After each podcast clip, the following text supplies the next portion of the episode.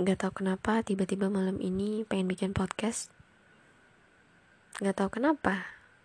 Dari tadi yang mampir di story gue itu mereka-mereka yang juga baru aja bikin podcast. Jadi it supports me to make a podcast too. Tapi mungkin ini gak berat-berat sih. Gue cuma pengen sharing apa yang gue rasain belakangan ini.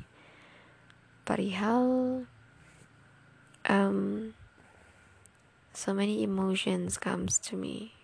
Like kita sadar ya di dunia ini tuh banyak hal yang terjadi banyak emosi yang hadir di diri kita dan kita harus pintar-pintar untuk handling those emotions those things those situations very well gitu.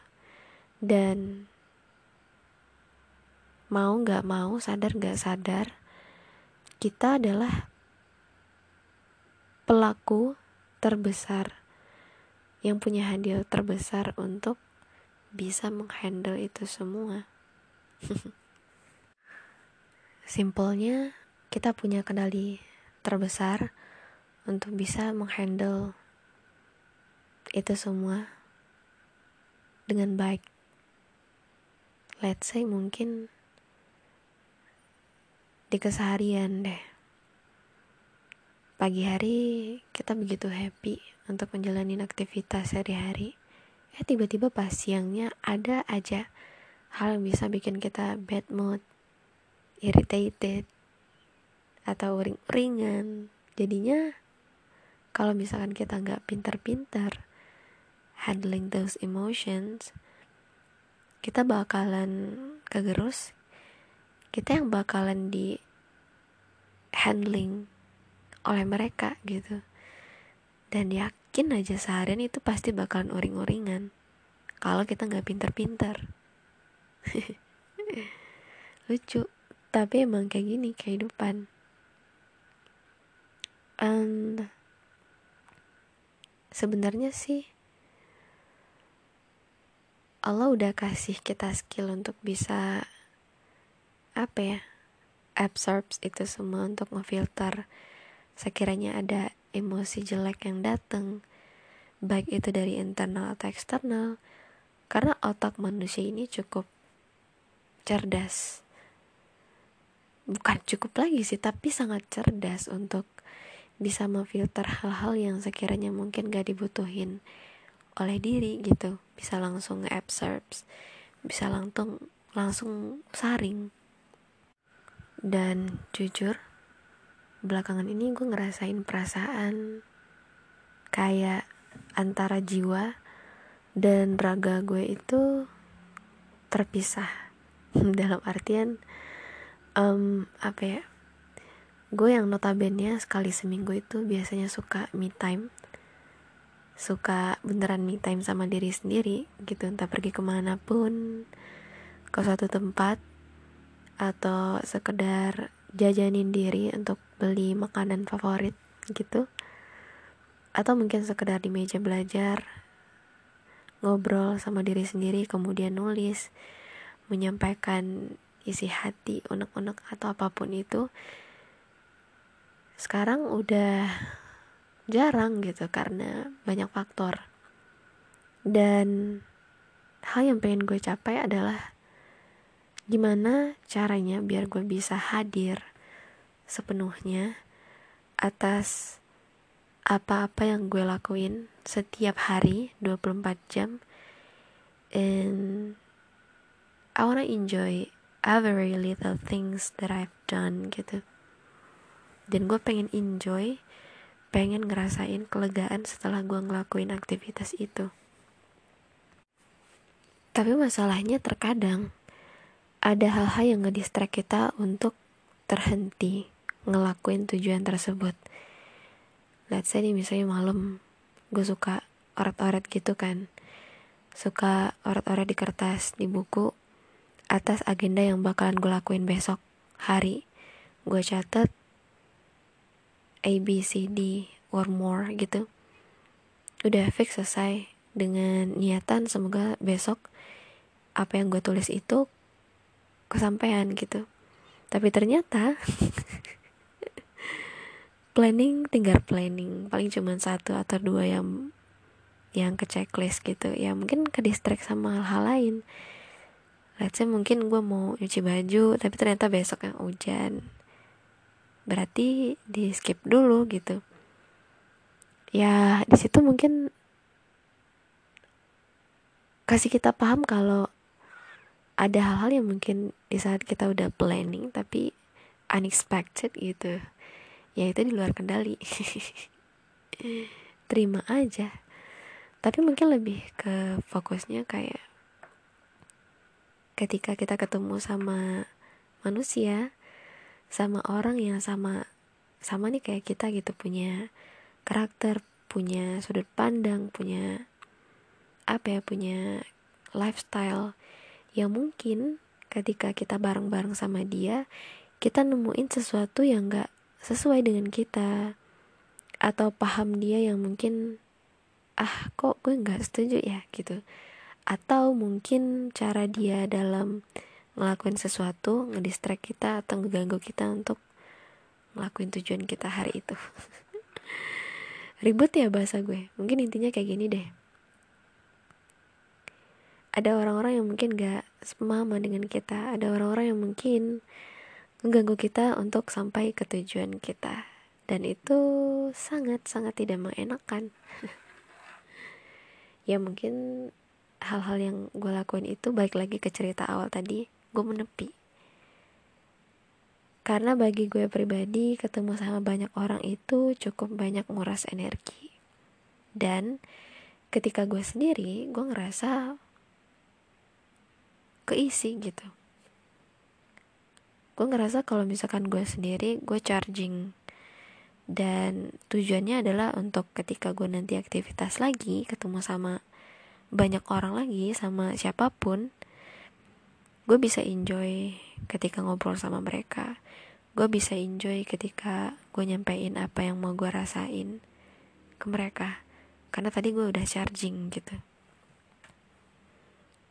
nah itu sih yang bikin gue sedih belakangan karena kurangnya waktu gue untuk bisa soft talk sama diri sendiri untuk bisa cicat untuk bisa cerita di depan cermin while recording gitu. And I really miss those things so much. Tapi nggak apa-apa. Untuk punya kesadaran kayak gini tuh udah ngebantu banget sih untuk bisa step up mau naik jadi pribadi yang nggak mau kayak gini terus gitu mau jadi pribadi yang setiap harinya ada hal-hal baik yang bisa diambil dari orang. Gue pengen banget menyerap energi baik dari orang begitupun sebaliknya. Ketika mereka ketemu gue mereka bisa ambil hal-hal baik dari diri gue gitu dan buang hal-hal jelek yang ada di diri ini. Dan itu gak mudah sih pastinya dan sometimes ketika kita bertemu sama orang yang itu-itu melulu kalau gue pribadi sih itu sangat membosankan. I don't know why. Gue dengan tipe yang cukup bosanan ini butuh waktu satu kali seminggu untuk ketemu sama orang baru. Atau satu tiga, satu sekali tiga hari deh gitu ketemu sama orang baru. I don't know why itu ngisi energi gue banget gitu.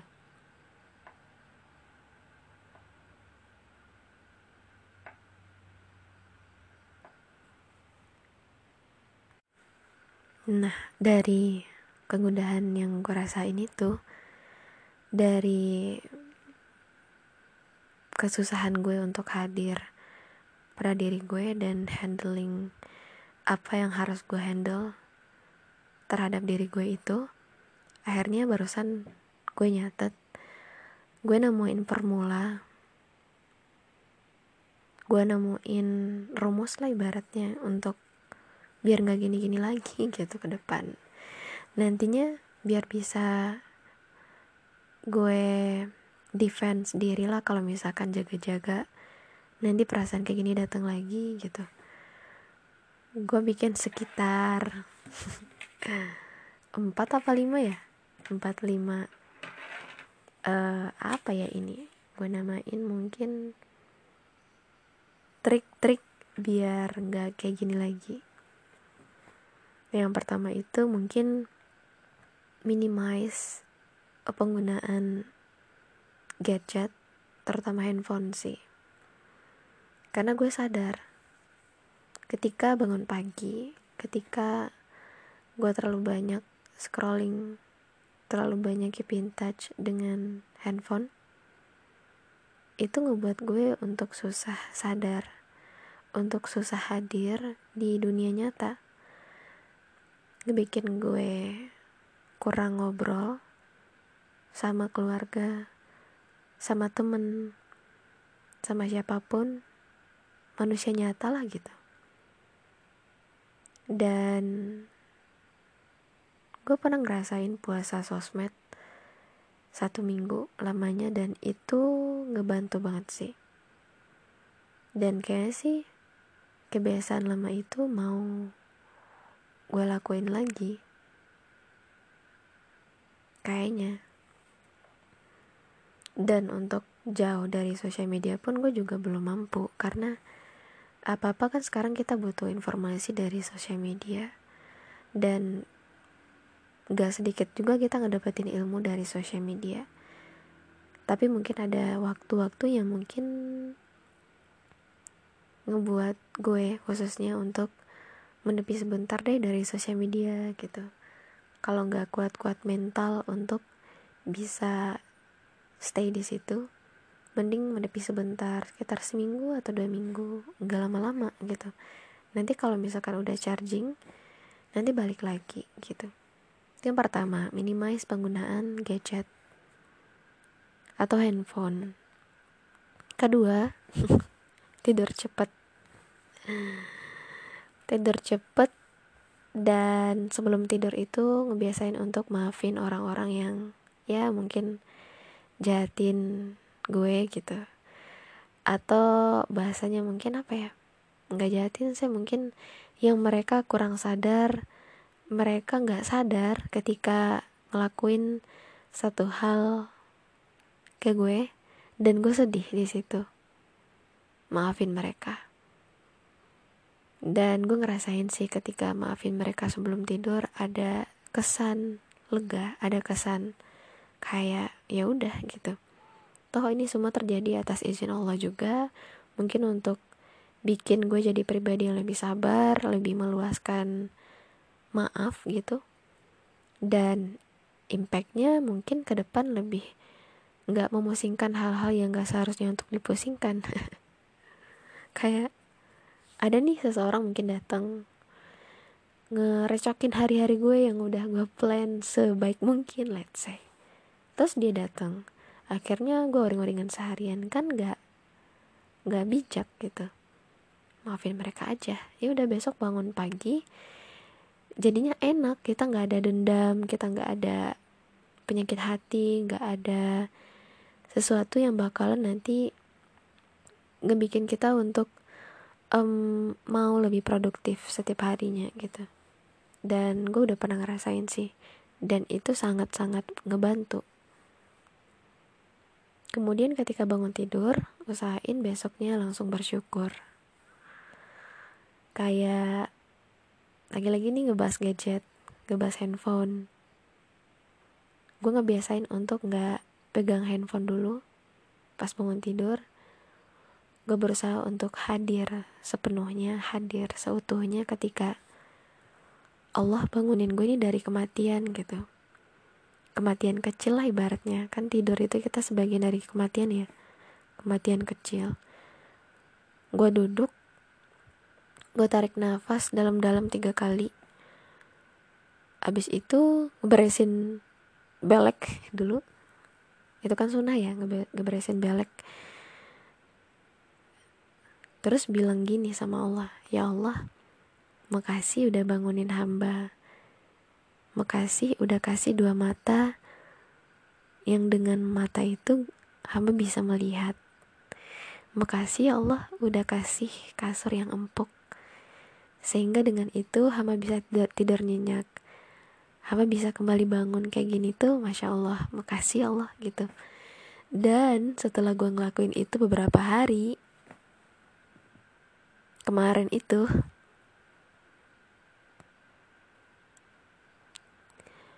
gue belum pernah ngerasain bahagia yang kayak gitu dan seplong itu. Masya Allah. Yang ketiga ya bangun tidur langsung bersyukur dari hal-hal simpel aja gitu kayak Makasih ya Allah udah kasih air yang bersih untuk bisa mandi. Makasih ya Allah udah kasih apa ya e, misalnya paket data. Dengan paket data ini hamba bisa ngelakuin apa pun dengar kajian gitu. Walaupun um, kita nggak harus lama-lama di media sosial gitu tapi tetap aja semua itu anugerah dari Allah. Lakuin hal itu. Bersyukur dari hal-hal simpel. Keempat itu stretching. Stretching dikit-dikit lah gitu. Buat melenturkan otot-otot gitu. Dan gue biasanya tuh suka ngelenturin bagian leher kayak diputer gitu. 360 derajat kemudian ditekuk ke bawah terus tangan dua tangan megang dari belakang dan gue sometimes juga ngelakuin lari-lari kecil gitu. Even cuma di rumah sembari ngatur nafas. Karena gue yakin ketika badan kita sehat ketika antara otak pikiran dan hati kita itu synchronize kita bakal lebih bijak dan lebih sehat untuk berpikir gitu. Kalau gue sih lanjut ya yang keempat itu stretching dan yang kelima itu adalah ibadah pagi. Nah gue belajar dari Mas Bagas Rais seorang influencer kemudian juga motivator. Beliau itu seorang influencer yang memotivasi followernya untuk ketika bangun pagi itu usahain kita untuk keep in touch sama Allah dulu. Dan di situ beliau lebih memfokuskan kepada ibadah pagi let's say mungkin lebih ke mandi subuh. Itu gue nambahin sih mandi subuh. Kemudian uh, sholat dua rakaat sebelum subuh qobliyah subuh. Yang itu masya Allah sih setara dengan dunia dan seisinya. Keren gak tuh? Jadi kalau misalkan kita gue pengen jadi orang kayak nih gitu. Ustadz Hanan bilang ya udah lakuin qobliyah subuh gitu. Kuliah subuh yang setara dengan dunia dan seisinya gitu. Dan gue ngerasain sih ketika ngelakuin qobliyah subuh itu kayak gue tuh nggak butuh hal-hal duniawi lain yang material yang tadinya gue butuh. Misal gue butuh kendaraan yang lebih bagus atau handphone yang lebih bagus gitu biar bisa mendukung gue untuk beraktivitas. Ya walaupun sometimes gue juga butuh sih kita nggak munafik juga. Tapi ketika kita udah dominan ngelakuin serentetan ibadah untuk mengisi hati kita dengan pendekatan kepada Allah mungkin automatically uh, bikin kita untuk meminimalisir impian-impian kita tentang dunia gitu. Dan Qobliyah subuh ini adalah salah satu harta kekayaan kita sih gitu sih gue ngerasain. Mungkin teman-teman juga udah ngerasain hal yang sama. Dan semoga kita istiqomah ya amin. Kemudian lanjut ke sholat subuhnya dan keep in touch sama Al-Quran walaupun cuma dikit doang gitu. Lanjut ke solawatan cuma beberapa kali sampai bosen. Terus lanjut ke zikir pagi. Habis zikir pagi baca buku udah. Nanti kalau mau duha atau mau istirahat beberapa menit menjelang zuhur uh, variatif. Ada mungkin teman-teman mau ngapain gitu. Mau apa pun gitu yang bikin sekiranya bikin teman-teman bisa uh, produktif gitu. Itu sih kalau dari gue. Dan paling penting ini jangan lupa untuk sedekah. Gue dapat satu ilmu dari satu pemilik pondok pesantren di Subang. Beliau itu motivator sekaligus guru sih buat gue. Dia suami istri dan mereka juga penggagas sekolah rumah tangga gitu. Ada banyak ilmu yang bisa gue dapat dari mereka. Salah satunya adalah keajaiban sedekah. Nah kalau misalkan gue boleh cerita nih dikit aja. Jadi beliau itu cerita kalau ada satu ketika beliau dan istri dan dua orang anaknya sekeluarga sakit. Terus yang istrinya langsung nyeletuk kayak Mbak mungkin kita udah jarang sedekah kali ya makanya sekarang kita itu sakit atau gimana gitu.